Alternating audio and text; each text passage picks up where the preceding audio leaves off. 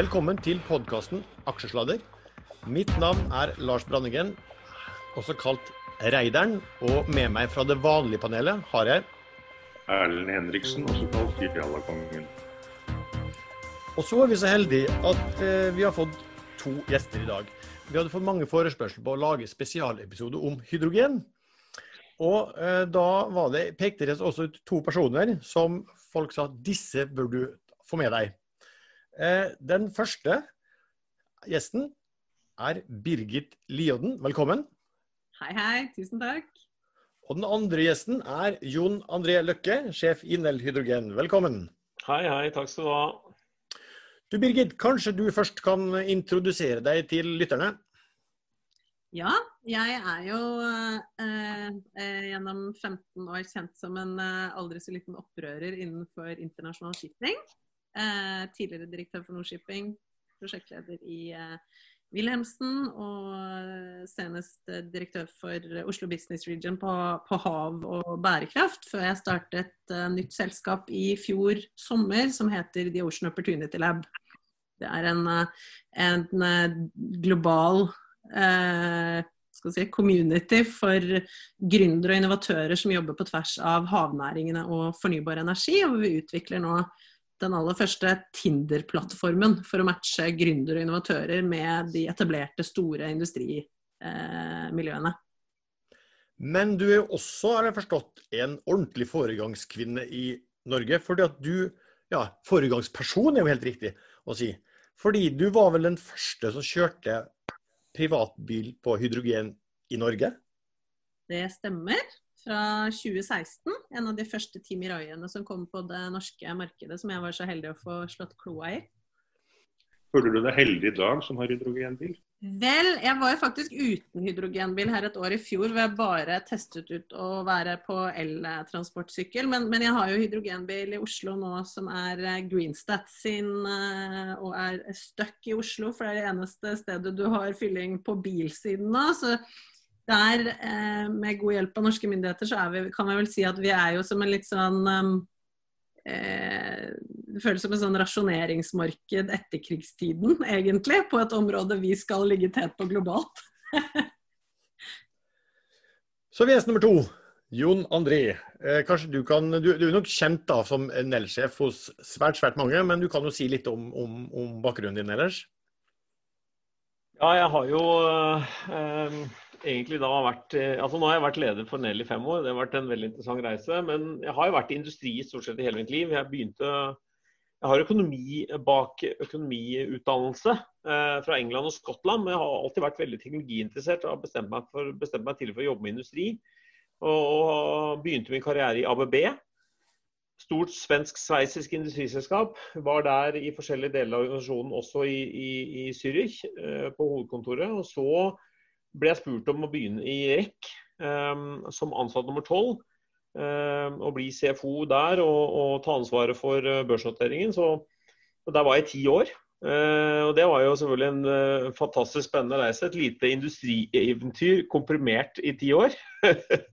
så, så, det var masse læring i det. Og så var jeg en, en, i tre år ledet et selskap som heter Norsk Titanium. Som også var et teknologiselskap som som utviklet 3D-printing-teknologi for store titaniumkomponenter til fly- og forsvarsindustrien. Og så, og så, ble jeg da spurt om å begynne i Nell. Um, og det syns jeg var kjempespennende. Og der uh, så jeg jo umiddelbart masse likhetstrekk med Sol. Her skal vi ut i verden, vi skal bygge fabrikker, vi skal utkonkurrere det fossile. Vi må, vi må uh, vi må liksom ta store steg, og det, det syns jeg var kjempefascinerende. Og så og så lærte vi oss en del av det å være i sol, selvfølgelig. Og, og, mye av den læringen kan man ta med seg videre. Og forsøke da å manøvrere unna noen øh, vanskeligheter som kan oppstå underveis.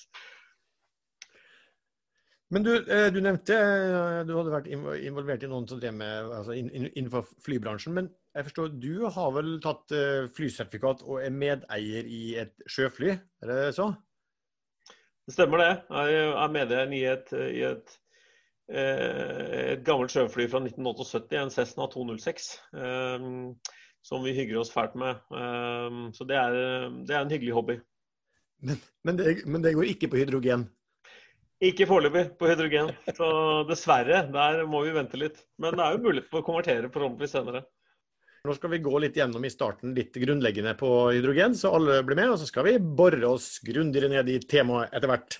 Eh, jeg tenkte at eh, Birgit, du kunne starte litt med bare å fortelle lytterne altså, hva, hva er hydrogen, og hva, hva innebærer altså energibærerbegrepet? Ja. Du, altså, ja, hydrogen er jo det vanligste grunnstoffet i universet som eh, 75% av universets masse er, eh, er, består av. Det er det letteste grunnstoffet vårt. Det et, tyskerne kaller det jo fortsatt wasserstoff, vannstoff. Eh, og det er jo da en eh, altså energibærer, et, et, materiale som i en kjemisk reaksjon frigjør energi, da. Og så er det jo da det jeg mener er eh, den energibæreren som har aller størst potensial når vi skal eh, løfte hele den maritime næringen og havnæringene over fra fossil Eh, fossilkilder og over til fornybare, rene energikilder. Så er det jo 33 000 ki, eh, nei, 33 kilowattimer med energi i en kilo hydrogen. Eller 33 000 kilowattimer med energi i et tonn.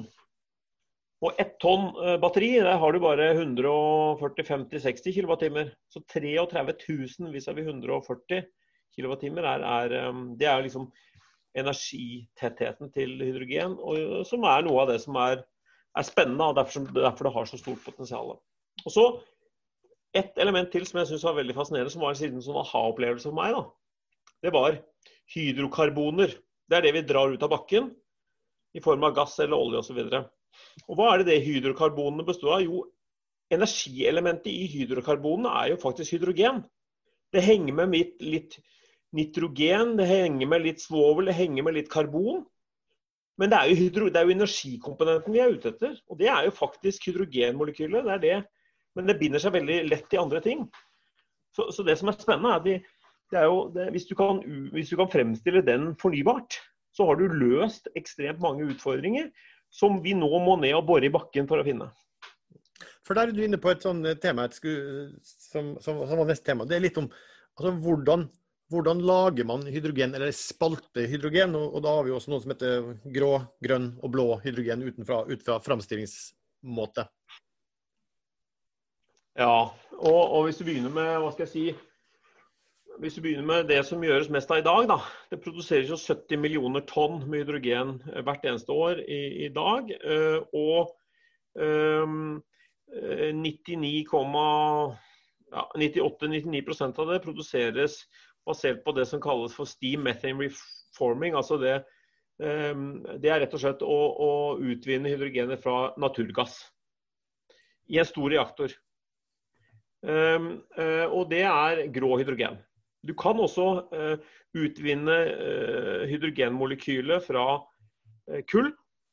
Hvis du gjør det fra naturgass, så får du med ca. 10 kg CO2 for hvert, hver kilo med hydrogen.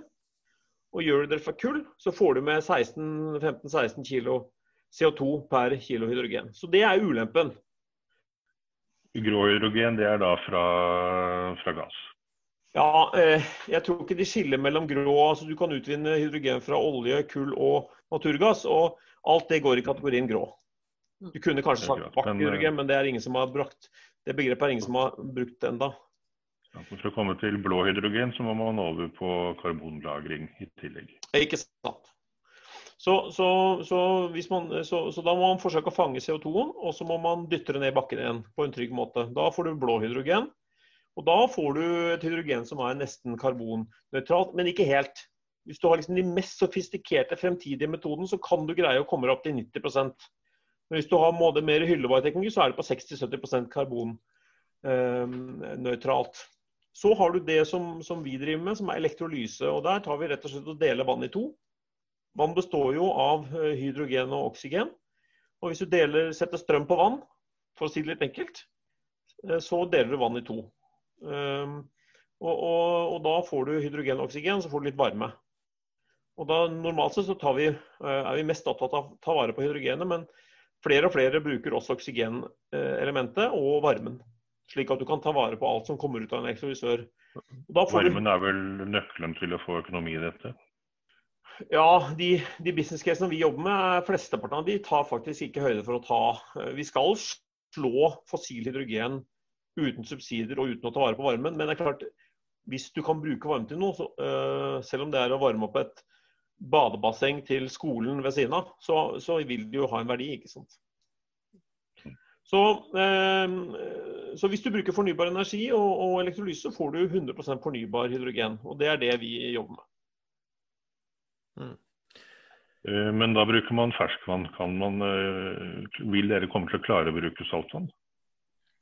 Ja, det vil man klare etter hvert. Nå skal jeg ikke si at den teknologien vi har, hyllevare, kan håndtere det sånn umiddelbart. Men, men det, er jo, det er jo et tema som flere og flere tenker på at vil være interessant å håndtere litt lenger ned i veien. Når man, øh, når, når, men akkurat nå for øyeblikket så er det største markedet på bruk av ferskvann.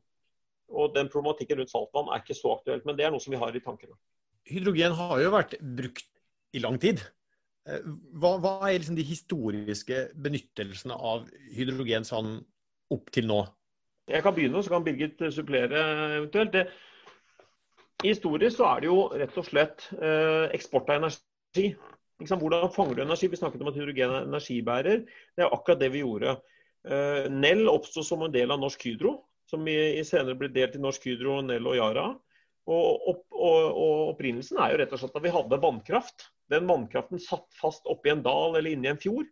Og vi hadde ikke så veldig mye glede av den, så vi konverterte vannkraften til gjødsel. Og så lasta vi gjødsel om bord i et skip og, og, eksporterte det ut i verden. Og gjødsel er jo også energi, men det er energi for, til planter. Ikke sant?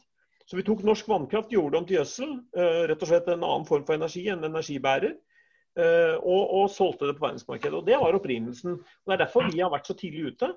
Og derfor vi har, er, eh, er eh, på mange måter ledende. Vi har altså lengre erfaring enn noen andre eh, land i verden. Hvor mange prosent hydrogen er det i gjødsel?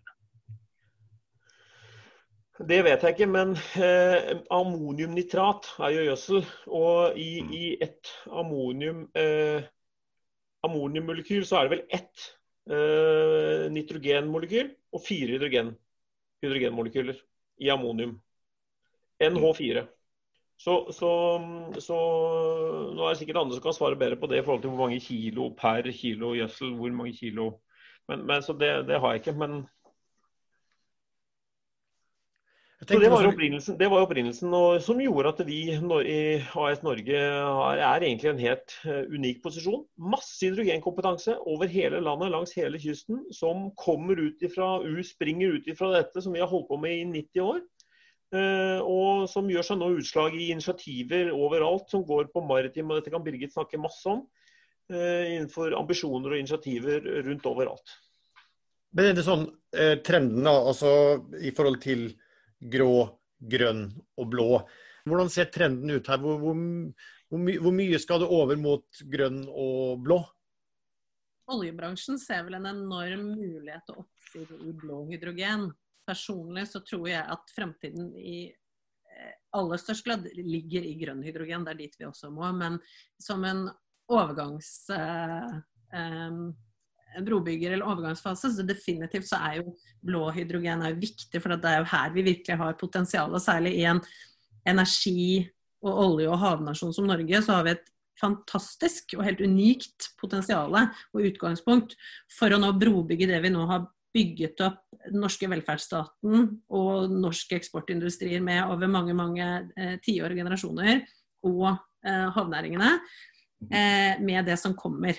Vi har teknologien, vi har kompetansen, vi har, på en måte, vi har mulighet til nå ikke bare si at ok, nå er oljenæringa av, eh, vi må gjøre noe annet, men vi har mulighet til faktisk gå inn og bygge en bro fra dagens industri over til den nye. Men så jeg tenker den blå, eh, blå hydrogen kjempeviktig. Og, og, du ser at det er jo der også oljeselskapene, når, liksom både når Equinor jobber med det, og når Shell går inn og satser på hydrogen og fremover, så er det klart at de ser jo på en måte en litt sånn redning også der. Eh, men det er jo klart at på sikt fremover så må vi, vi må produsere ren energi med ren energi. Vi, vi skal jo helt ut av det fossile løpet på energi, slik jeg ser det. Jon André, jeg vet ikke hvordan du tenker rundt det? Ja, jeg, jeg, er jo helt enig med deg. Jeg tror, jeg tror vi trenger begge deler pga. tempo. Altså, vi kan liksom ikke la en eneste løsning ligge urørt nå. Nå må vi gi, må vi gi gass på alt. Uh, men altså, som nordmann håper jeg at vi lykkes med blå. Men som Nell-sjef så vil jeg si at det, det blir, kommer til å bli tøft å slå grønt. Det kommer til å bli steintøft. Fordi det blir så billig. Utstyret blir så billig, solkraft blir så billig eh, at det kommer til å bli utrolig tøft. Norske... EU, var, ja. EU, var, vel også veldig klare på at de skal satse på grønn hydrogen og ikke blå? Yes. Ikke sant? Og da kommer vi, er vi klare til å levere blå etter vi har fått, fått på plass alt dette med lagring og alt det der borti på Vestlandet. Og så er kundene allerede over på noe annet og er ikke interessert. Det er jo... Den pak pakken til EU var vel på 750 milliarder euro, var den ikke det? Ja, jeg tror den Jeg husker ikke akkurat tallene. Jeg har sett det mer sånn land for land. Så, ja. Men det er men hvis du trekker fram EUs liksom største grønn hydrogenprosjekt, altså under Danube, så er jo bare det prosjektet i seg selv er på nesten 6 milliarder euro. Eh, hvis du ser til Saudi-Arabia, som egentlig er sant, et oljeproduserende land som vi lett kan egentlig på mange måter sammenligne oss med fordi man må omstille mye og man kommer fra liksom, veldig oljetung bakgrunn, så satser de 500 milliarder dollar på grønn hydrogen. Men For å få til en kraftig økning i grønn, så er man jo avhengig av en veldig kraftig økning i eh, renewable, i sol og vind og vannkraft. Eh, og helst overskuddskraften for å få bruke den til å produsere hydrogen. For den, den kan man jo delvis ha betalt for å ta imot. Ja, jeg tror, jeg tror du, har rett, har, du, i det. Men jeg tror, det, jeg tror, vi kan gjøre veldig mye business med bare å adressere den kraften som er tilgjengelig. Vi ser jo at uh, både i Danmark og Tyskland så stenger man vindmøller. Eh, bruker masse penger på å stenge vindmøller for å stoppe leveransen av kraft inn i nettet. fordi at nettet det er det som er så elegant med hydrogen, da, at, du, at, du, kan produsere hydrogen eh, Ofte så er det jo en disconnect mellom forbruk, hvor forbruket skjer og når det skjer, vis-à-vis -vis, eh, hvor kraften produseres og når den produseres. Og Der er jo hydrogen en perfekt bro. For du kan disconnecte. Du kan gjøre det elektronene Du kan gi det evig liv, da. Istedenfor at det må mm. konsumeres umiddelbart på samme tidspunkt som det produseres. Så det er, det er um, og jeg tror vi kan gjøre veldig mye butikk da, bare ved å rett og slett ta tak i det som allerede er der av, av muligheter i nettet og av den fornybare energien som allerede er tilgjengelig. Eh, men, men, på sikt så må det utvikles mer. Og så er jo en ting her som er litt spennende å se på når vi går inn i liksom dette grønne skiftet med elboiler og fornybar energi etc. på land, at det er klart at per nå så har jo både vi og andre land har en begrenset kapasitet på grid. Og det er en del store utfordringer med å utvide den griden vi har. Hvis vi går til både min del av verden, som handler om havet, så er jo Norge fremst på både gjøre, utvikle industrier, eh, produsere og hente ut og lagre og frakte energi på havet, med havet. Eh, og hvis du tar med deg den kompetansen og teknologien som vi sitter med nå, og så ser du for deg at i framtiden så skal vi da ikke i så stor grad eh, produsere petroleumsprodukter på havet. Det er ikke det vi skal hente ut. Men vi kan, for, vi kan produsere fornybar energi fly, i flytende eh, installasjoner på havet. Og der kan vi også gjøre prosessene. Med både da eh, lagring og frakt videre ut i verdensmarkedene. Og så har du en helt ren verdikjede, en verdikjede hvor du også kan bygge mye tilliggende industri rundt. Sånn at alt fra fiskeoppdrettsanlegg og eh, andre operasjoner som er ute eh, på i og under havet, også har tilgang på den rene energien de trenger. Og at man kan levere energien inn til land. Der hvor det er utfordringer på den eksisterende griden. Her har vi alle forutsetninger da, fra det norske økosystemet på brobygget eh, mellom havnæringene og energibransjene. Så er det da så er det interessant å merke seg da, Hvis du, tar, hvis du tenker deg et rør dette får du på rull, så du bare ruller ut på 50 cm i diameter. Så tilsvarer det like mye energi som man da frakter i dag gjennom disse monstermast høyspentledningene. Altså Hvis du da transporterer hydrogen som energi istedenfor høyspent strøm. Så, så, det er, eh, så, så, det er, helt riktig. Det er masse muligheter der i forhold til å løse store grid-utfordringer som også kommer ved å bruke hydrogen. Ja. Så det er en annen ting. Men, selve bruken av hydrogen. Nell hadde jo et uh, prosjekt gående med fransk selskap om å blande hydrogen inn i gassrørledningsnettet, som allerede eksisterer i store deler av Europa. Uh, og Da er det snakk om 10-15% hydrogen som kan kjøres rett inn uten å endre på ventiler eller koblinger eller noen ting i, i nettet. Det prosjektet det skar seg jo for Nell sin del. Uh, har de gått videre med det, det franske selskapet? Jeg tror, de, jeg tror, ikke de har eh, gitt opp det. Ikke så vidt jeg er meg bekjent, så har de ikke gitt opp det prosjektet. Men det er klart det har tatt veldig mye lengre tid. og vi,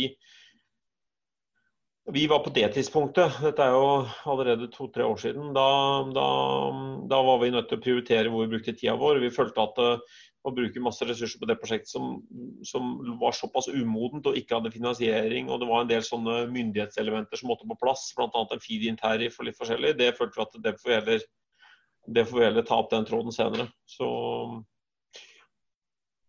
men det, det, kommer til å bli aktuelt, uh, dette også. Uh, det er også en måte å gjøre naturgassen i nettet litt grønnere på, er å blande inn noe grønt. ikke sant? Og Det er det du sikter til. Så det. Men når man også er inne på det temaet med gjenbruk av eksisterende infrastruktur og ressurser og assets, da, der ligger det jo et utrolig spennende rom. Og det er jo litt der vi nå i den rollen jeg sitter i, i, i styret i TK 2030 som går på Merkur neste uke. Så sitter man jo og utvikler uh, marinisering av fuelceller som ikke bare da har potensial for å puttes inn i nybygg. For hvis du ser for deg, Norge er jo en av verdens største sjøfartsnasjoner med en av verdens største flåter. Hvis vi sånn rent både økonomisk og miljømessig, hvis vi skal skrappe, altså hive bort alle de skipene i verdensflåten i dag som går på, på bunkersolje og nå på fossil energi, og så skal vi sette i gang og bygge nye, hvor ligger miljøregnestykket i det? Ikke sant? Det, mm. det kan vi faktisk ikke leve med. Så um, det potensialet også som, også ligger i å gjøre retrofit og konverteringer av dagens eksisterende flåte over til hydrogen fuel cells og hybride løsninger der, der er det enormt spennende muligheter. Og da ser du egentlig på et potensial som går på alt fra båter i liksom yacht-segmentet, som eh, Greenstat sitt Green Yacht-prosjekt. Eh, den gamle Gaddafi superyachten på 92 fot eh, Sunsticker som ligger i Bergen. Og videre oppover til båter som går innenfor liksom short sea og mellomsegmentene, og så opp til deep sea og cruise. Um, hvis du ser for deg både liksom sirkulærøkonomi, tankesettet rundt det, at hva er det som skjer med dagens shippingindustri, alle de som sitter og eier i shippingselskapene i dag, hvis de nå i en, i en periode hvor markedene er beintøffe, marginene er små og gjelda er høy, hvis de skal skreppe alle båtene sine, og så bygge nye, da har du en kjempepain i markedet. Mm. Hvis du isteden kan gjenbruke, konvertere, retrofitte mye av de båtene, mens vi også parallelt bygger nye, da har du en helt annen mulighetscase også for eh, norsk industri og for de andre eh, store, tunge aktørene der ute. Nå gleder vi litt over til å snakke om, eh, om hydrogen i, i, ulike typer industrier. og Da passer jo godt vi kan dra litt videre på, på marin. Det, det man ser på shipping, er vel egentlig at eh, rederne nå er engstelige for å bestille nybygg, fordi at de vet Nybygg skal jo holde 25-30 år. Eh, men de vet jo ikke om de nybyggene de i dag kan bestille, om de kommer til å tilfredsstille eh, fremtidens krav. da, ikke sant? Eh, så der kan det jo være veldig viktig hvis man får på plass noe som gjør at du kan retrofitte eksisterende flåte.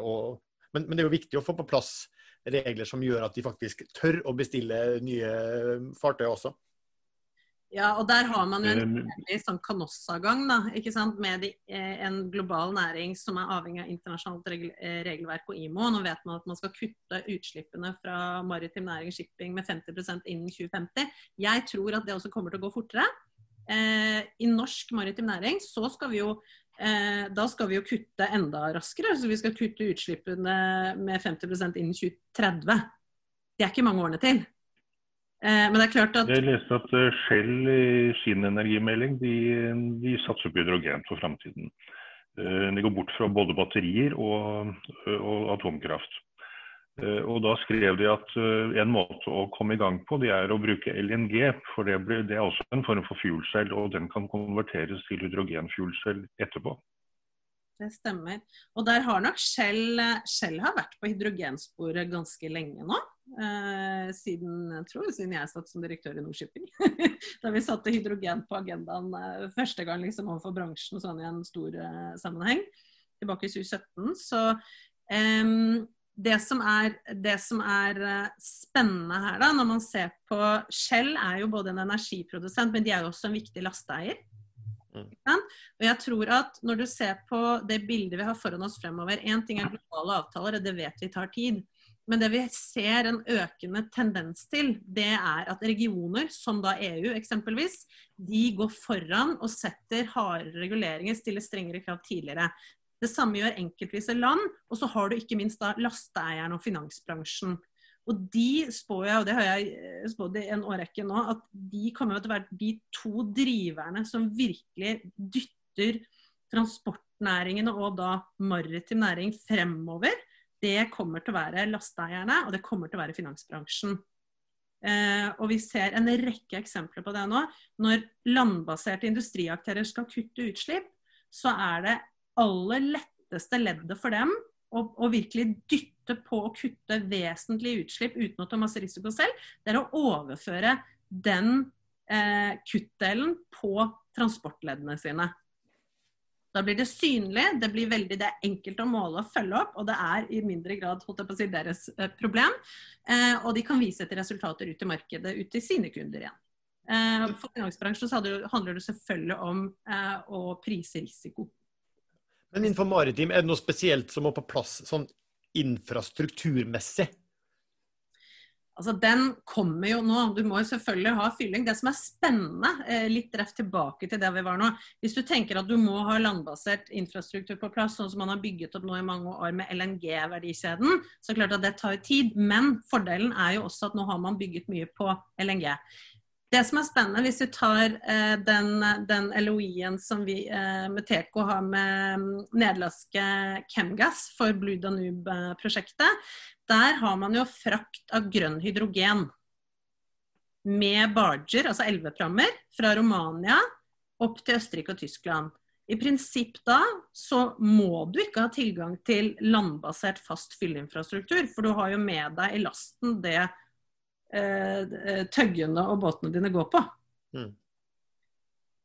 Så, så, i prinsipp så kan du ta bort mye av de flaskehalsene som vi har sett på land, da, gjennom at eh, man har eh, man har med seg eh, den eh, driveren, den energibæreren man også faktisk trenger for fremdrift. Og så tror jo jeg definitivt, og det syns jeg vi kan det kan vi se til, til Tyskland, Jon André, at når, sant, når, det tyske markedet og tyske stat har satset på hydrogen og, bygget, og, og, sagt at nå skal vi bygge ut et landsdekkende stort nett av infrastruktur, de drar sammen en rekke partnere, så de har hele verdikjeden, og så gjør de det.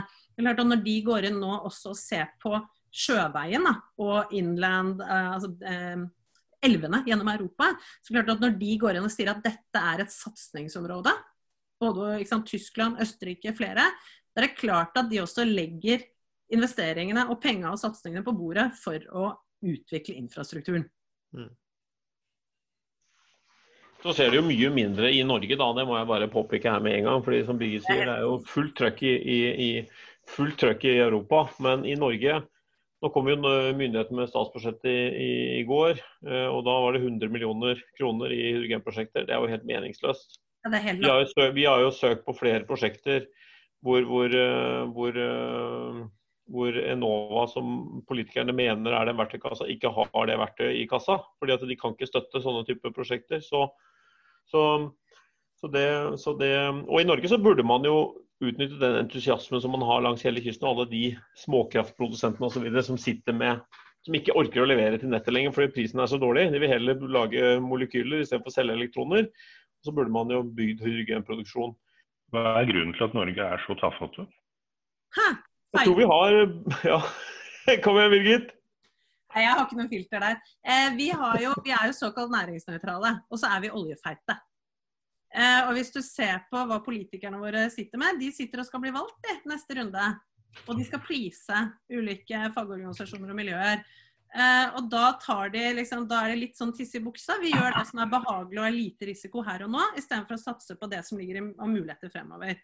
Det er jo, altså, jeg synes det er helt skremmende. Vi, vi har jo ligget faktisk helt i tet globalt på hydrogen. Og den posisjonen den har vi nå delvis gitt ifra oss i løpet av de senere årene. Um, jeg tror det man gjorde i Norge da man fant olje på norsk sokkel, så har man jo bygget et oljeeventyr. Det oljeeventyret det skjedde jo ikke av seg selv.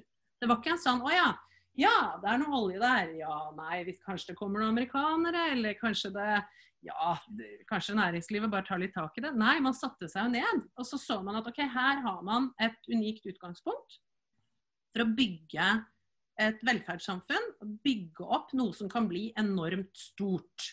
Da trenger vi å legge en plan for det. Så må vi investere, og så må vi stake ut en kurs og si at dette er det vi tror på. Dette er det vi går for. Det er her vi har et helt unikt mulighetsrom for å lykkes. Og det samme mangler nå. På brytningen av hav og fornybar. Det Norge kanskje ikke er flinke nok til å se, det er at dette kan bli en enorm eksportnæring. Vi har både vannkraft og vi får veldig mye offshore vindkraft, så vi kan jo produsere hydrogen til halve verden. Vi har jo hele verdikjedene. Altså, vi, sitter, vi har alle disse havindustriene på tvers. Der kommer det enorm vekst fremover. Alt, alt som drives i havet, det kan gå på hydrogen. Vi har offshore olje- og gass petroleumsnæring som skal omstilles. Vi vet at det er litt sånn som med hvalolja tilbake i tid verden kommer ikke til å ville ha norsk olje og gass i framtiden.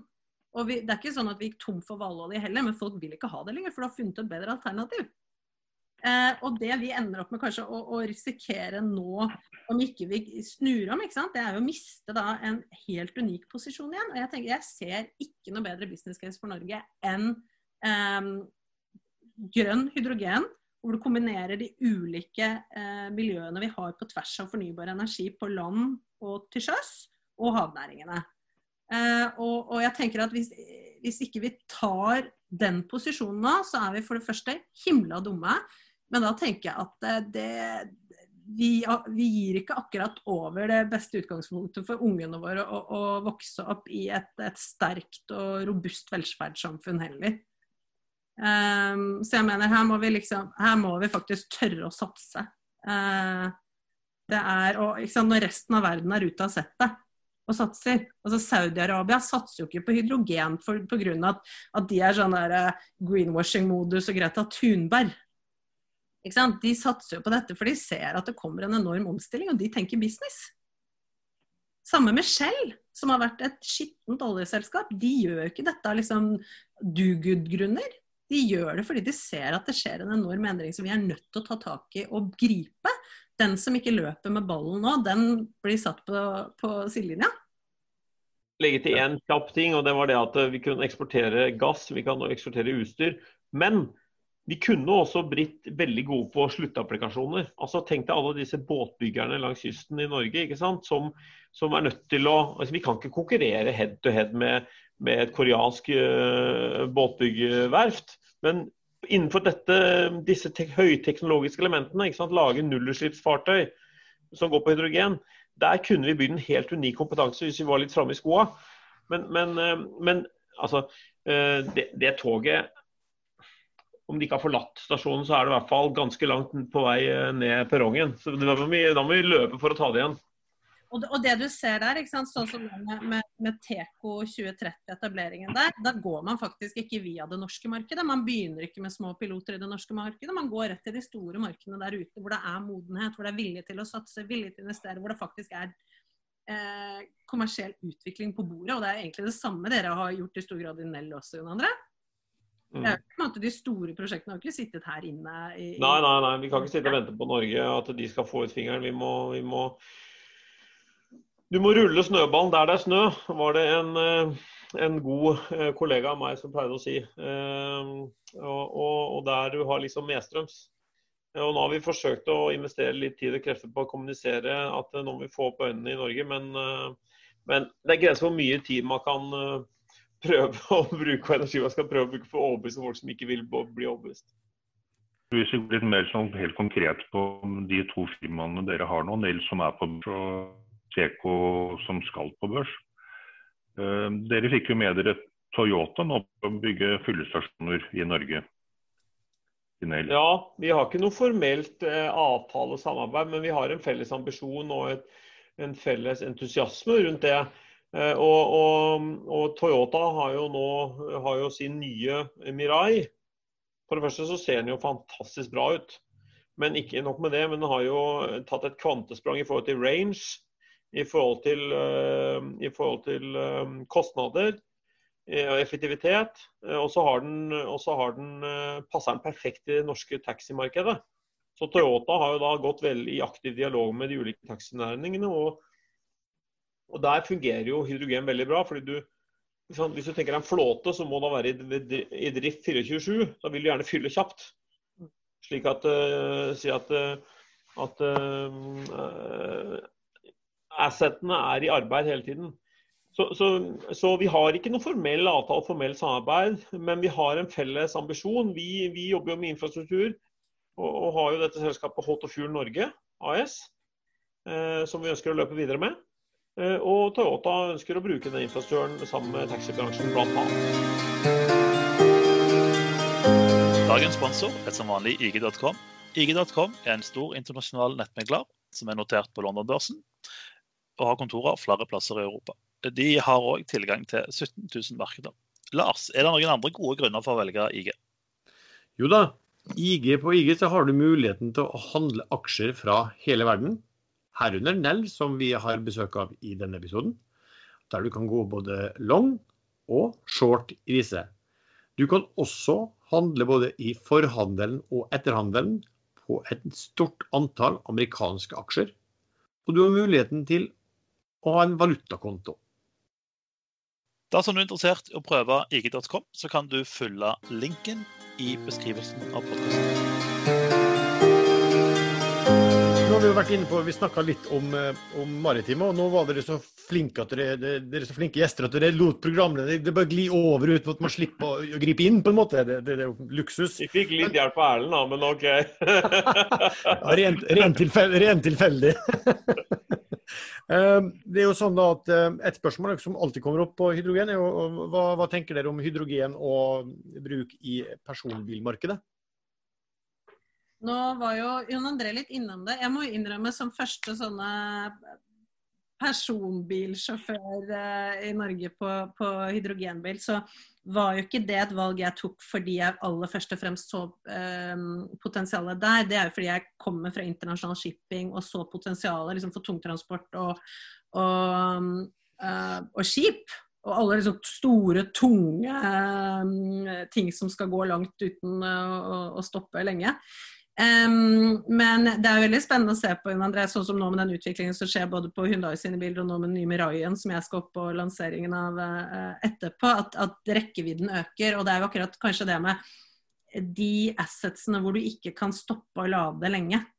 Eller hvor du skal kunne komme langt uten å kunne jeg, Hvis jeg har lyst til å komme meg på hytta uten å lade frem og tilbake, at jeg skal et eller annet sted ut i ødemarken, eller se på Nord-Norge, hvor du har lange avstander, da så vil jo jeg personlig tenke at det er der de største potensialene ligger, mm. som jeg ser det. Litt biased. Um, jeg tror fortsatt aller størst grad på de tunge, store, lange. Men ja. vi, har jo, vi har jo på en måte et sånt perspektiv som sier sånn altså dette er jo, Nå tegner vi med bred pensel, da. Men, men alt som går på bensin i dag, kan, der vil det være en høy markedsandel av batteri. Altså batterielektrisk. Eh, bortsett fra de markedene som ikke har et nett, som sliter med det. Som en del asiatiske land, India, Kina osv. osv. De blir tvunget over på hydrogenelektrisk uh, uansett. Um, så har du da alt det som går på diesel i dag. Der tror vi at det blir en høy markedsandel av hydrogen. Det er ting som er store og tunge og skal gå langt. Og Da må du ha med deg masse energi, og du må kunne fylle raskt. og Det er ofte også kommersielt. Altså Det er butikk.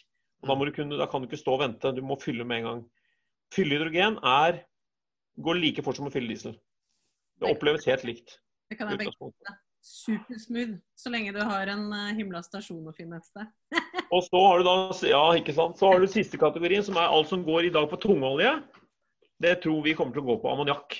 Og ammoniakk er jo også grønn hydrogen ikke sant, i utgangspunktet. Ja, og så har du no, og det er litt viktig å sånn presisere også, sånn når vi snakker om, om, om fuel-celler også i TK, så er det jo noe med det å rigge til eh, celler som egentlig kan håndtere ulike typer bærere og løsninger. Eh, det er ikke nødvendigvis en type at du tar betten kun på det ene, men du rigger jo løsninger som da skal Mm. serve flere alternativer. Også nettopp for å ta ned den, den risikoen som markedet og brukerne står overfor når de skal ta valg på teknologi og store innkjøp og osv. nå. Nå har vi vært inne da på marin, eh, bil, eh, tungtransport. Eh, Hva med hydrogen da til industriell bruk? Ja, og det er der vi tror at det virkelig kommer til å svinge. For for, for altså, det- det er en del industriapplikasjoner som ikke er mulig å avkarbonisere på noen annen måte. Og det er øh, ikke sant, Du kan jo begynne med det enkle. altså Ammoniakk. øh, Der begynner du med et hydrogenmolekyl som i dag er fremstilt stort sett gjennom fossile metoder. Det må erstattes med, med, med, med et grønt eh, fornybart hydrogenmolekyl. Eh, Men du endrer ikke nedstøtsprosessen. Altså det å lage ammoniakk og, og, og lage ammoniumnitrat og gjødsel, det er jo helt likt. Så Det er bare den første delen du må endre. Men du har noen andre industrier som er kanskje enda mer krevende. Det er på en måte stål. Mm. Hvordan skal du lage CO2-fri grønn stål? Sement. Mm. Helt forferdelig mye CO2-utslipp. Hvordan skal du lage CO2-fri grønn sement? Jo da, du kan prøve å henge på noe CO2-fangst etterpå, men det beste må jo være å ikke lage CO2-en i første omgang. Og da kan du bruke hydrogen, fornybar hydrogen. Ehm, skal du lage ehm, grønn metanol, så kan du, så kan du bruke fornybar hydrogen. Eh, og da, det du gjør f.eks. i stålindustrien, da. I dag så brenner du kull. Det er en reduksjonsprosess, så du brenner kull. Og, og grunnen til at du brenner kull, er fordi du, da vil da karbonet i kullet feste seg til oksygenet og trekke oksygen ut av, ut av hjerne, altså ut av stålet, ut av jernet. Eh, For du vil ikke ha eh, du vil ikke ha et sprøtt metall. og Hvis du har oksygen i metall, så blir det sprøtt. Utfordringen er at du får masse CO2. Det er biproduktet ditt. Hvis du da istedenfor brenner kull, så brenner du hydrogen. Så lager du da vann som biprodukt istedenfor å lage CO2.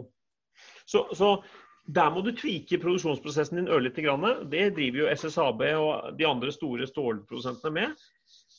Men, men man- mange tror at eh, batterier kan løse alt, og det er vi jo veldig, veldig mange av batterientusiastene her i Norge. De tror liksom, de ser jo at det er ingen mening med hydrogen, men hydrogen er så mye mer. Du Ja. kan ikke lage et CO2-fri stålverk ved, å, ved batterier. Ikke sant? Dette, nå er vi inne på det som virkelig kommer til å svinge. Og der virkelig hydrogen kommer til å, Det, kommer det, å ha en avgjørende plass. det, det tror jeg virkelig er så sterkt på. En, en ting er på en måte fraktesiden av det, men se for deg da at som er liksom kanskje en sånn klassisk situasjon. Du har en, en stor hjørnesteinsbedrift som driver tung industriproduksjon i et område hvor det er begrensninger også på den lokale griden. Og vi ser jo det nå i en del, i en del settinger hvor du, hvor du egentlig må ta Du må vente på å få økt kapasitet for å få til ting, eller sånn som nå du sier oppe på Nordvestlandet, da. Eh, når du elektrifiserer eh, Equinor-plattformer, og så samtidig så skal du ha store skip og installasjoner som skal trekke på griden for å kunne lade til kai og. Mørklegger du hele lokalsamfunnet da, hvis du skal gå på den vanlige griden. Det går helt i, i, i kollaps. Men hvis du isteden tenker at her kan, du, her kan du koble sammen flere ulike kilder for å produsere fornybar energi både på land og til vanns, og så får du produsert ren hydrogen nær der hvor den energien skal brukes. At du tar ned transportbehovet, du tar ned hele fotavtrykket. Du lager en mye mer helhetlig, effektiv prosess. Men Jon André, du, du snakket jo om da, eh, hvor stor tro du har på hydrogen i bruk innenfor tungindustrien f.eks. Eh, og da er det jo sånn et spørsmål som alltid kommer om hydrogen, og vi har vært litt inne på det altså med, med hva Norge gjør og EU gjør. og sånn. Men hvis dette her er så åpenbart for tungindustrien f.eks., eh, hva, hvorfor må man da søke støtteordninger og subsidier eh, til den type industrier, hvis dette her på en måte er ja, god, svært god økonomi straks? Eller er det ikke det ennå? Nei, altså det, det viktigste årsaken eh, er kapasitetsutnyttelse. Fordi at i begynnelsen så har du lav kapasitetsutnyttelse. Så det er litt sånn høna og egget, ikke sant. Hvis jeg skal Kanskje, Hvis jeg skal bygge et fornybar hydrogenanlegg som skal være kostnadseffektivt for, for uh, i, i Jeg Kan du ta det ekstre, eh, konkrete eksempelet. Det vi jobber med i Glomfjord, er å bygge et anlegg på ti tonn. Produksjon av ti tonn per dag. Um, da skal du ha kunder som kan bruke de ti tonnene per dag. I begynnelsen får du kanskje bare solgt et halvt tonn per dag. Fordi du har to, tre, fire busser og, og en lastebil og noen biler og en gaffeltruck.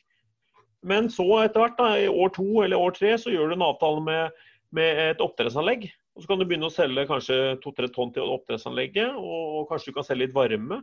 Så selger du oksygenet bort til nabo, nabofabrikken hos Yara. Og så, eh, og så kommer Vestfjordfergene i 2023-2024. Så kan du begynne å selge 6-7-8 tonn til Vestfjordfergen, og da flyr jo dette elegant.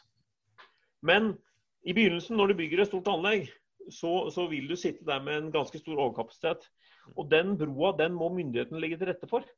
Fordi at, det, fordi at, det, fordi at det, Hør nå, det som er interessant her. Det er ikke sånn at det, det er jo sånn at myndighetene rundt omkring i verden konkurrerer jo nå om å være mest mulig attraktiv for at hydrogeninfrastrukturen skal komme. Så, så hvis du liksom ikke gidder å forholde deg til det og sier dette må kapitalmarkedet ordne selv, så løper kapitalmarkedet til helt andre steder. fordi det er helt andre muligheter å få til ting i Spania eller Tyskland eller Danmark eller Nederland. Der er pengene tilgjengelig. Der er myndighetene villige til å stille med den broa. Uh, og fordi at de ønsker å skape uh, lokal kompetanse og, og næringsutvikling. Så, så, det er mange dimensjoner rundt dette. Ja, men du, når, du sier høneegget, så, så tenker du også på at for at det skal bli rimelig nok da, for kundene deres, egentlig, eh, så må man ha støtte slik at man får utnytta kapasiteten godt nok og få dratt ned enhetskostnaden. Det er det egentlig det du Du kan ikke lage et lite demoanlegg, sånn som vi har drevet med nå i, i 10-20-30 år. Små mm. demoanlegg. Fordi at det, det blir aldri butikka. Du må gjøre det i industriell skala. Og gjør du det i industriell skala, så flyr det. Men da må, du ha, da må du ha hjelp for å komme over den uh, terskelen. Dette, dette går jo også begge veier. Eh, de som skal bruke hydrogen, de vil jo ikke satse på industri eller ferger i land hvor det ikke er nok til hydrogen tilgjengelig. Så vi, vi, er nødt til å lage store anlegg for å få dette i gang. Ja. Og Der toucher vi egentlig litt rett inn i kjernen av en av de største svakhetene her i Brygge, som jeg ser det nå. En av de største truslene vi har foran oss, egentlig på tvers av bransjer nå det er jo at vi er jo, vi er jo liksom Reodor Felgen-landet. Vi er dritgode på å komme opp med helt rå innovasjon og smarte, avanserte løsninger for tøffe forhold. Men det vi gjør, og som på en måte myndighetene stimulerer, det er jo små altså Vi, gjør, vi bruker enormt masse ressurser på FoU og piloter etc. Vi er liksom det testbedet og liksom laboratoriet for veldig mange. Men så, idet vi begynner å skulle nærme oss et marked som åpner seg og skal modnes, så slipper vi ballen. Og så gir vi den bort til andre. Så vi egentlig har investert masse vi har investert masse i å bygge framtidens løsninger, og så gir vi det bort til andre land. Og der tror jeg svenskene har vært utrolig mye bedre enn oss der på, på å skalere, industrialisere og eksportere. Rett og slett bygge industrivolum av det. Og det er vi nødt til å få til her hjemme nå.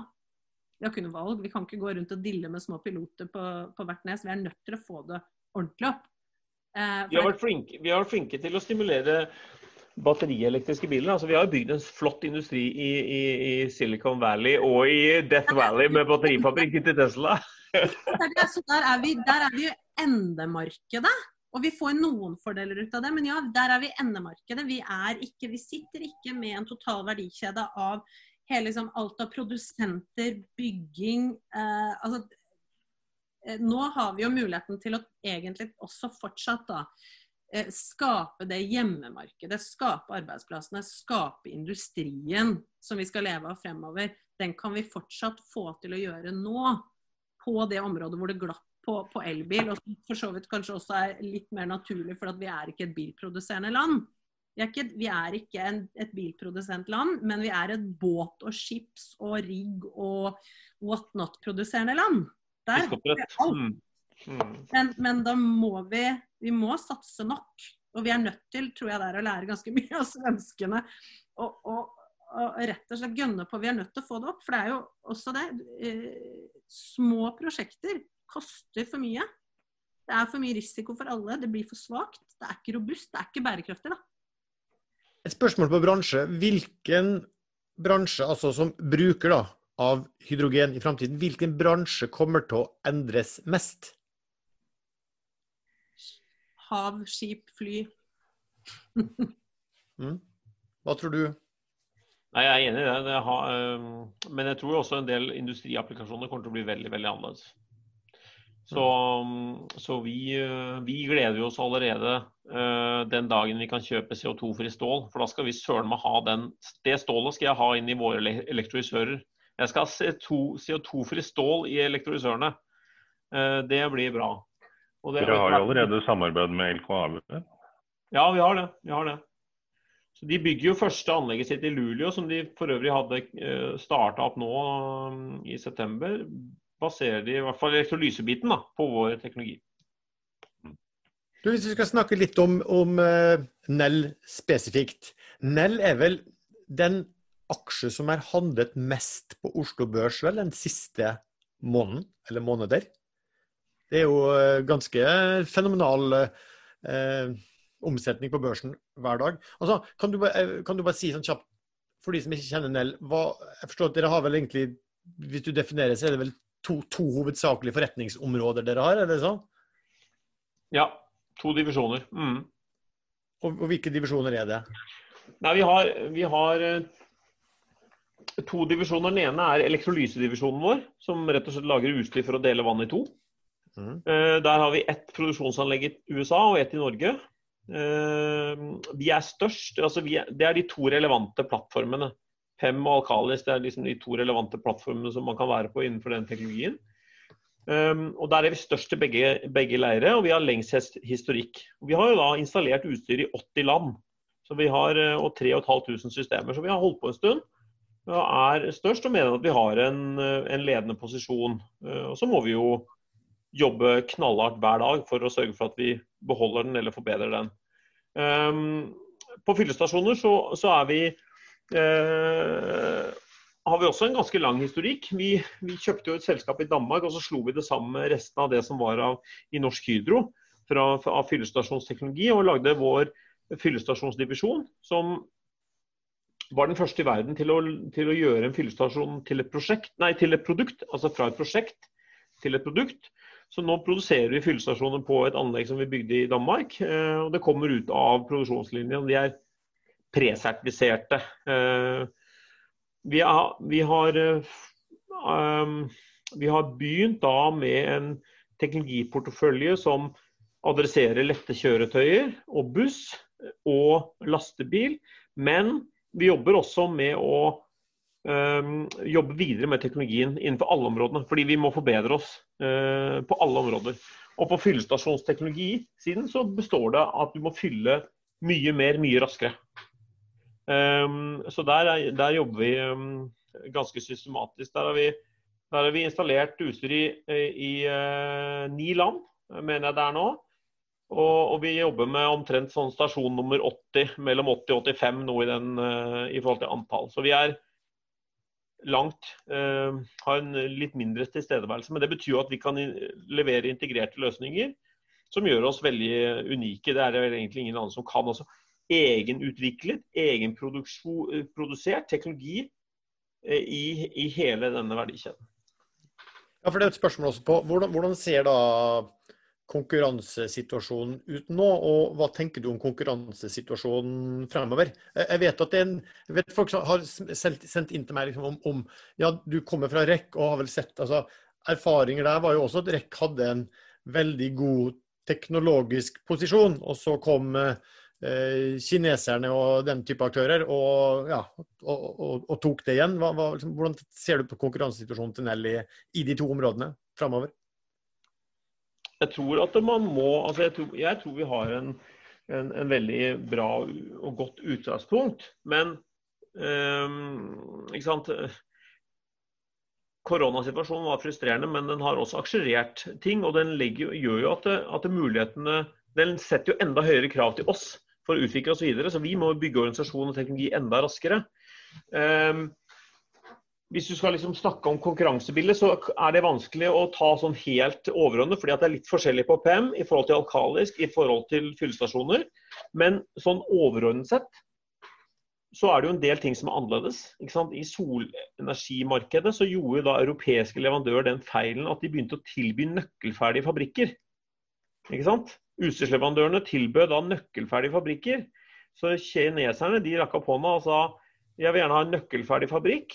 Eh, og da var det de som hadde den nyeste fabrikken, som hadde, som hadde den laveste kosten.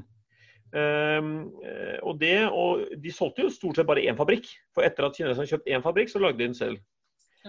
Det kan du ikke gjøre på, på hydrogen ennå. Og der må vi være litt forsiktige, tror jeg. Altså, Du kan ikke bestille et elektrolyseanlegg. Fordi den kompetansen den sitter vi med. Det er bare vi som kan designe og bygge det anlegget. Ingen vet hvordan disse, disse lages. Vi har ikke patentert alt heller, fordi vi gidder ikke fortelle verden om hvordan vi gjør det. Og jeg kan ikke finne ut av om de inne i indre Mongolia kopierer min, uh, hva som foregår inne i vår fabrikk. Derfor så ønsker vi heller bare liksom ikke snakke om det. Um, for, noen, uh, for, noen, år siden så snakket jeg med en mann som hadde vært i Kina og sett hvordan kineserne hadde demontert hele Eh, hele den tingen som eh, ble solgt til dem. Og eh, når han da så på dette og lurte på hva, hva FT drev med, så sa de at nei, du skulle bare service på det. Det var jo demontert da fullstendig i alle bestanddeler for å sette sammen igjen. Husker du hvem som sa det?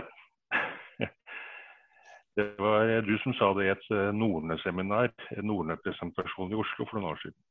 Jeg husker den historien der. Det, var, jeg tenkte, jeg tenkte men det hørtes jævla kjent ut, den historien. det, var smart, det var smart sagt, tenkte du. Det var helt riktig.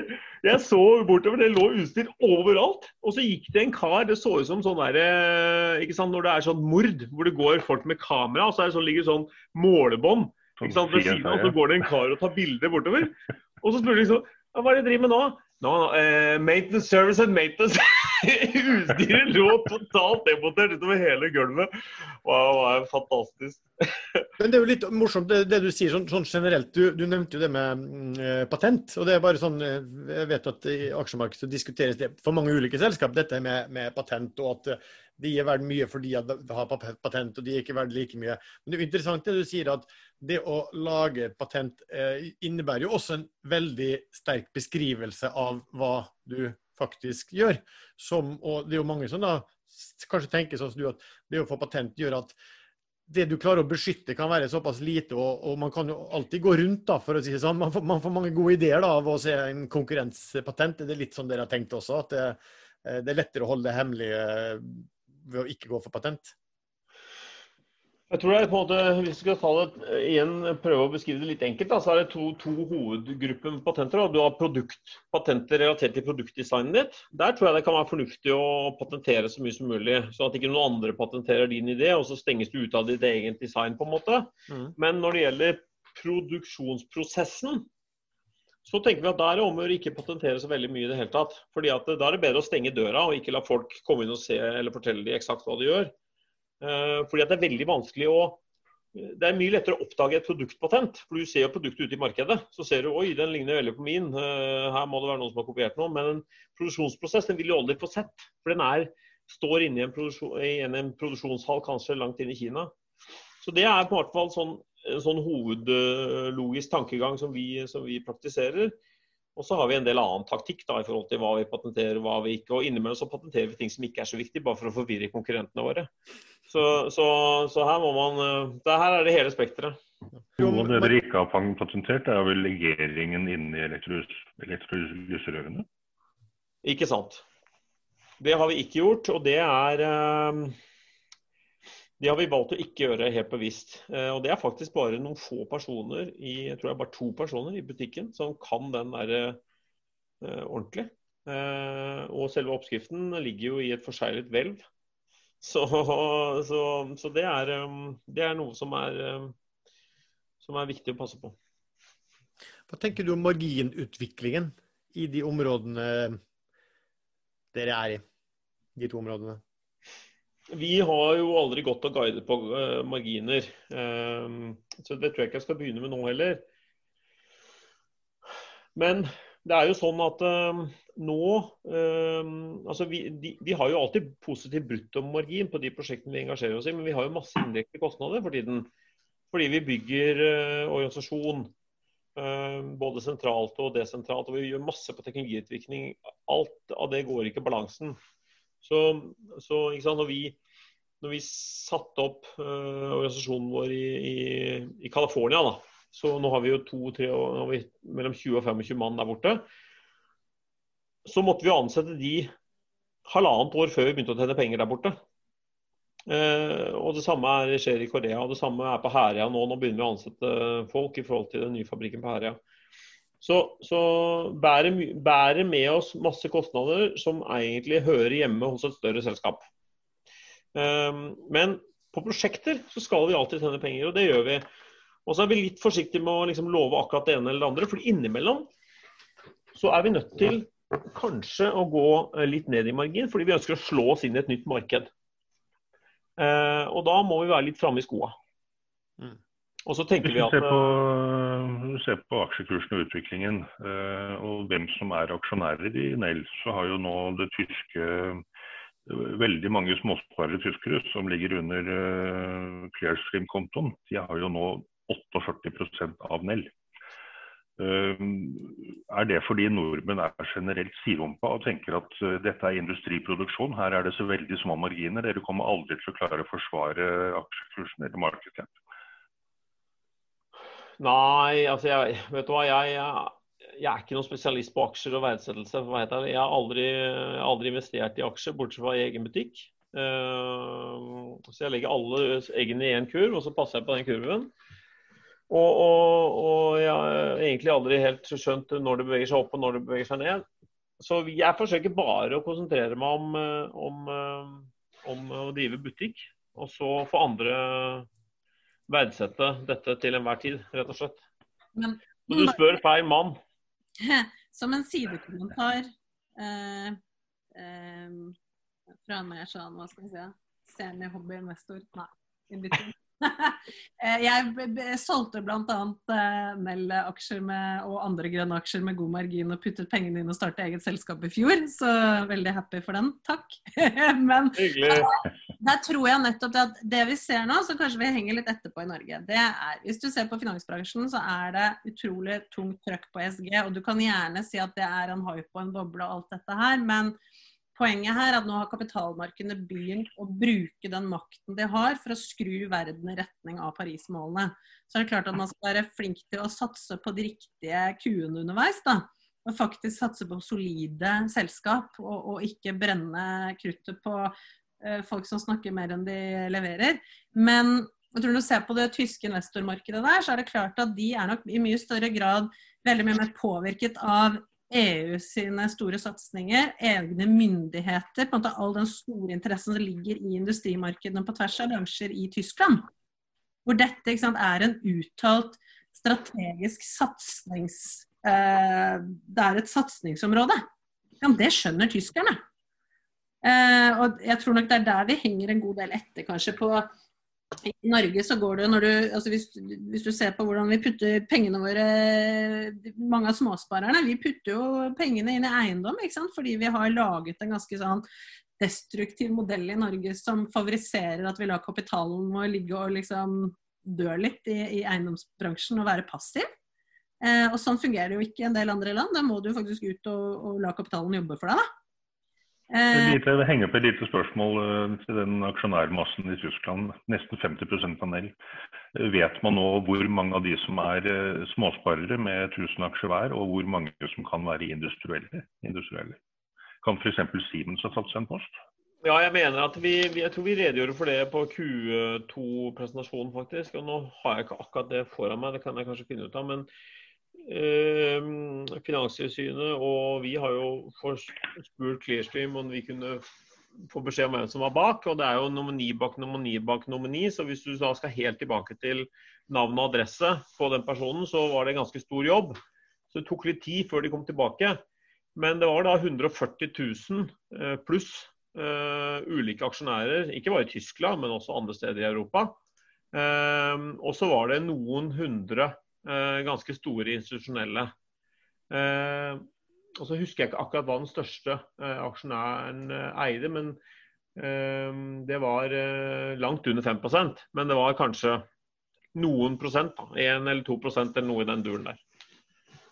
Man kan ikke frykte eller håpe på et fiendtlig oppkjøp av Nell via denne kontoen?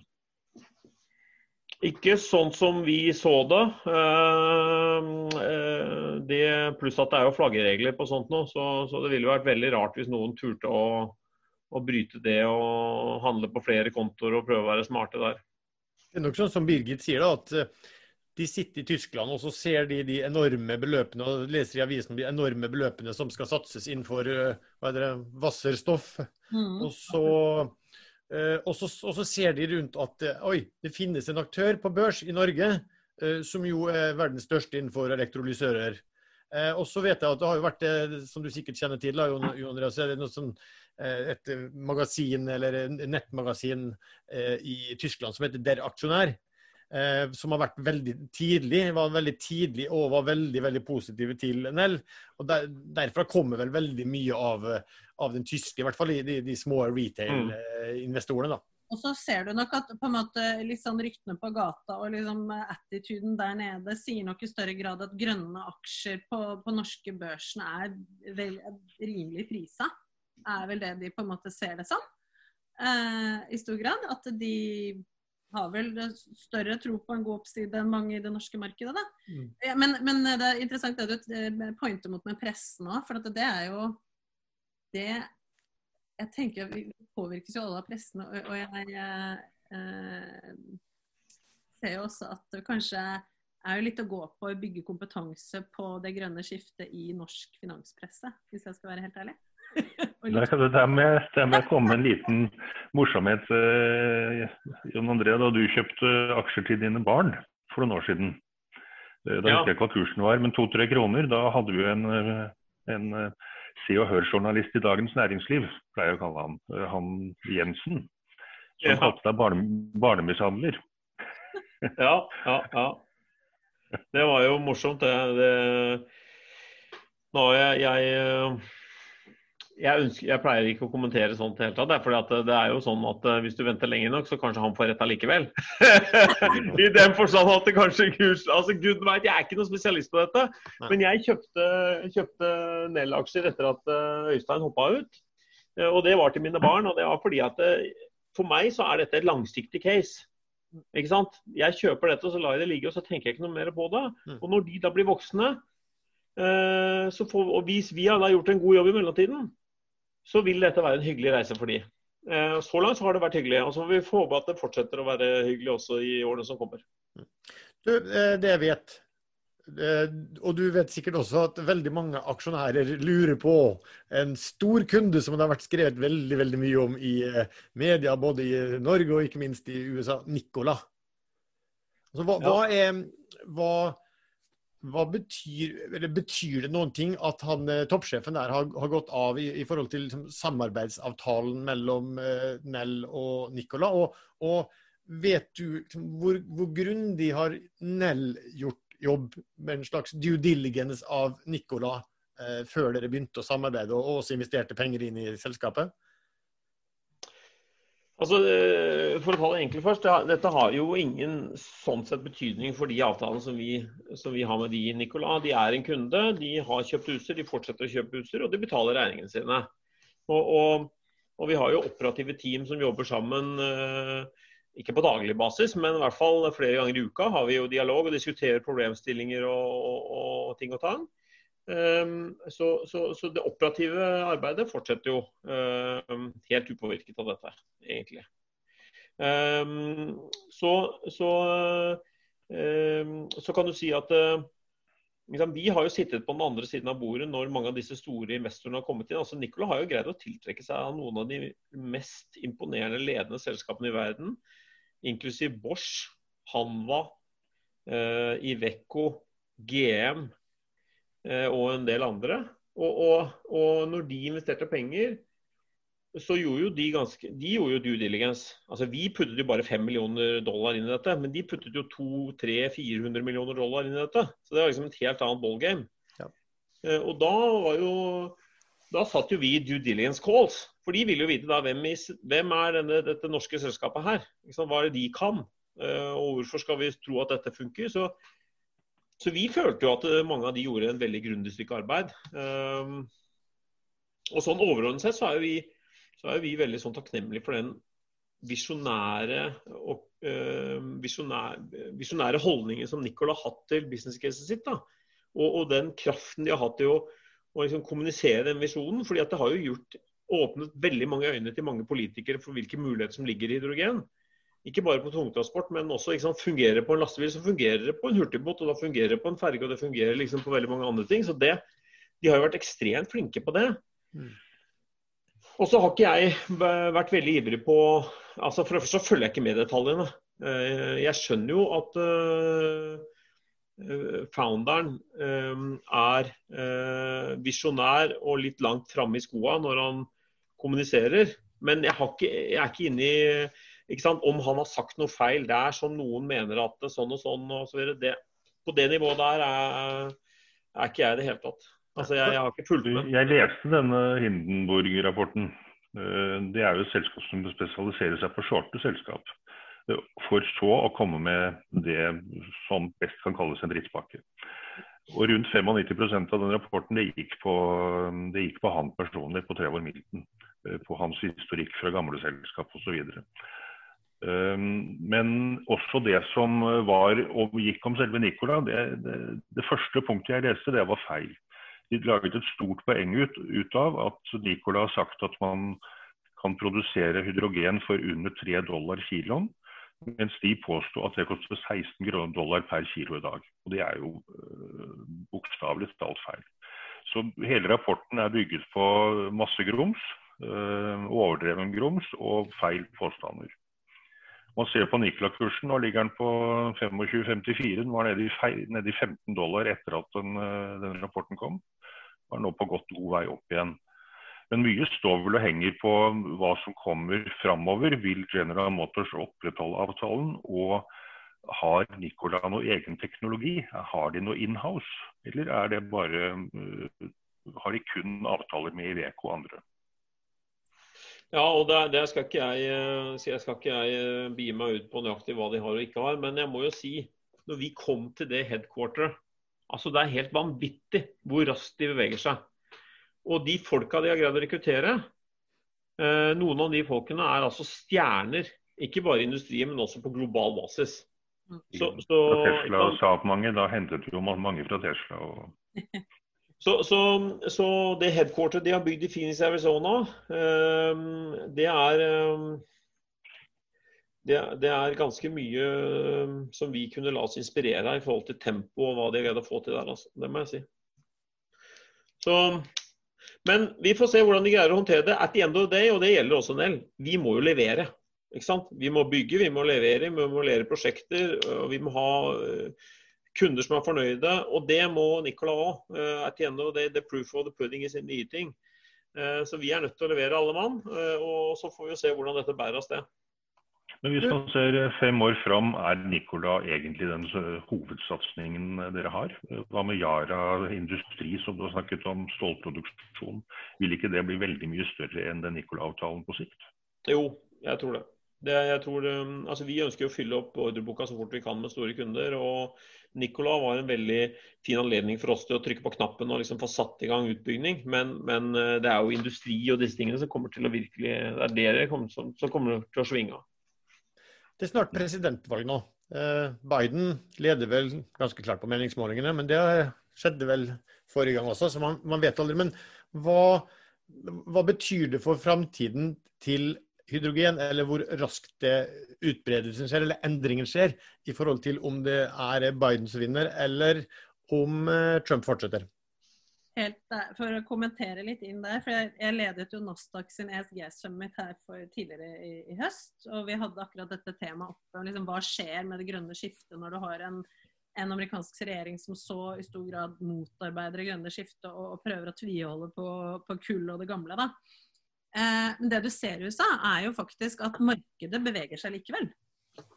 Så det, det, det grønne løpet har ikke stoppet opp i USA. Fordi at finansbransjen, industriene, på en måte de store, tunge miljøene, de har jo, de har jo sett at her er det business. Så helt ærlig, utad sikkert skaper masse, masse usikkerhet, masse uromomenter, og han er liksom løs kanon på dekk. Men, men, jeg tror helt ærlig at her, vi har kommet forbi den der eh, washy-washy, grønne CSR-modusen. Jeg, tror på en måte nå er så mange av de store, høyst kompetente, tunge, kapitalsterke aktørene, de har sett at her, hvis du skal gjøre business, om du skal leve av, bygge butikk, og inntjening på noe på lang sikt og, og, gjøre det bra, så må du satse i denne retningen her. Det er, på en måte, det er eh, Man er litt uh, Heldigvis, tror jeg, at man uh, er litt mindre kritisk avhengig av Trump og andre eh, klovnemakere. Ja. Vi har holdt på en god stund. Eh, vi skal snart begynne å avslutte. Men det, det jeg lurte på, et lite spørsmål, er er det spesielle børsnoterte selskap innen fornybar sektor. Det kan være inn- eller utland, som, som, dere ikke er direkte involvert i, men som dere liker godt. Birgit, du får kjøre på, du. Ja, nei, ja, ikke sant? Ja, man er bias der. Jeg kan jo si at jeg har takket ja til nytt styreverv for første gang på veldig lang tid nå, etter å ha takket mye nei med TK 2030. Eh, men ja, der er vi involvert. Ellers så har jeg egentlig Jeg har skrudd mine min egen profil på investeringer har jeg nettopp skrudd i, i det grønne. og Det er det også som har tjent penger. Mine gamle shipping- og offshore-aksjer har gått uh, rett i dass. De er ikke så mye happy for. Men uh, ja um, Jeg vil jo si at jeg har generelt stor tro på nå eh, de aktørene som klarer å skape liksom, den, det grønne skiftet og distrupsjon fra innsiden.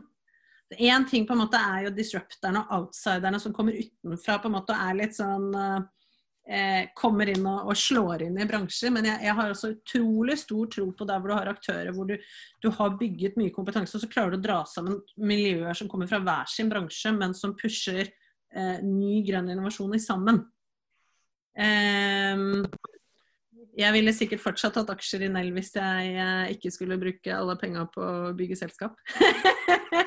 Men eh, ellers eh, eh, Quantafuel syns jeg har vært en fin reise nå. Eh, Tomra grønt på en annen måte. Eh, men eh, ja. Eh, jeg, jeg, så tror jeg ville sett til havnæringene nå, overalt der hvor du ser at det kommer en kombinasjon av nå flytende grønn energiproduksjon, konverteringer, infrastrukturutbygging. Eh, der tror jeg det ligger enormt mye spennende å hente framover. Og du André, er du bare opptatt av å se på Nell, eller ser du det på litt andre selskap og børs? Nei, jeg, vet du hva, jeg har ikke energi til å se på noe annet. Jeg bruker bare tida på dette. Og, og, og, med Haion? Ligger det på is, eller blir det noe av Haion? Samarbeidet mellom det, Powershell og Hexagon? Nei, de, de, løper videre så fort de kan. De, de og de, de, jobber med ulike hva skal jeg si, Også faktisk veldig mange maritime prosjekter. Nå er ikke det noe som Det er jo et privateid. Vi er jo en tredjedel hver med Hexagon, PowerCell og Nell. Så, og, så det er et område vi satser videre på. Vi har ikke tenkt å ta det eh, på Merkur, som alle andre løper til nå. Men, men, eh, nei, vet du hva. Jeg har rett og slett ikke eh, jeg har ikke fokus på, på å investere i noe annet. Altså, jeg tror ikke jeg tør å by meg ut på noen anbefalinger eller noen advarsler i det hele tatt. Så der er det andre som har mye mer peiling enn meg. Birgit Lioden, tusen takk for at du kunne komme. Veldig hyggelig. Tusen takk til deg, Jon André. Det var Håper dere trivdes. Håper vi kan kalle dere inn eh, en annen gang. Det kommer garantert til å bli mye snakk om eh, hydrogen framover fremover også, forstår vi. Håper lytterne har hatt nytte av denne spesialepisoden. Hvis dere vil diskutere med oss, så finnes vi inne på Ekstrainvestor. Vi finnes på, har en egen gruppe på Facebook som heter podkasten Aksjesladder, der dere også kan kommentere om denne episoden og komme med ønsker på kommende temaepisoder eller spørsmål. Vi høres. Ekstrainvestor har en presentasjonstjeneste for børsnoterte selskap som kalles XI Promo. Der tilbyr vi produksjon av sending for selskapene. Det kan være fysisk produksjon på kontoret, eller at vi produserer via videokonferansesystem. Deretter markedsfører vi sendingen og distribuerer sendingen ut til titusentalls av investorer.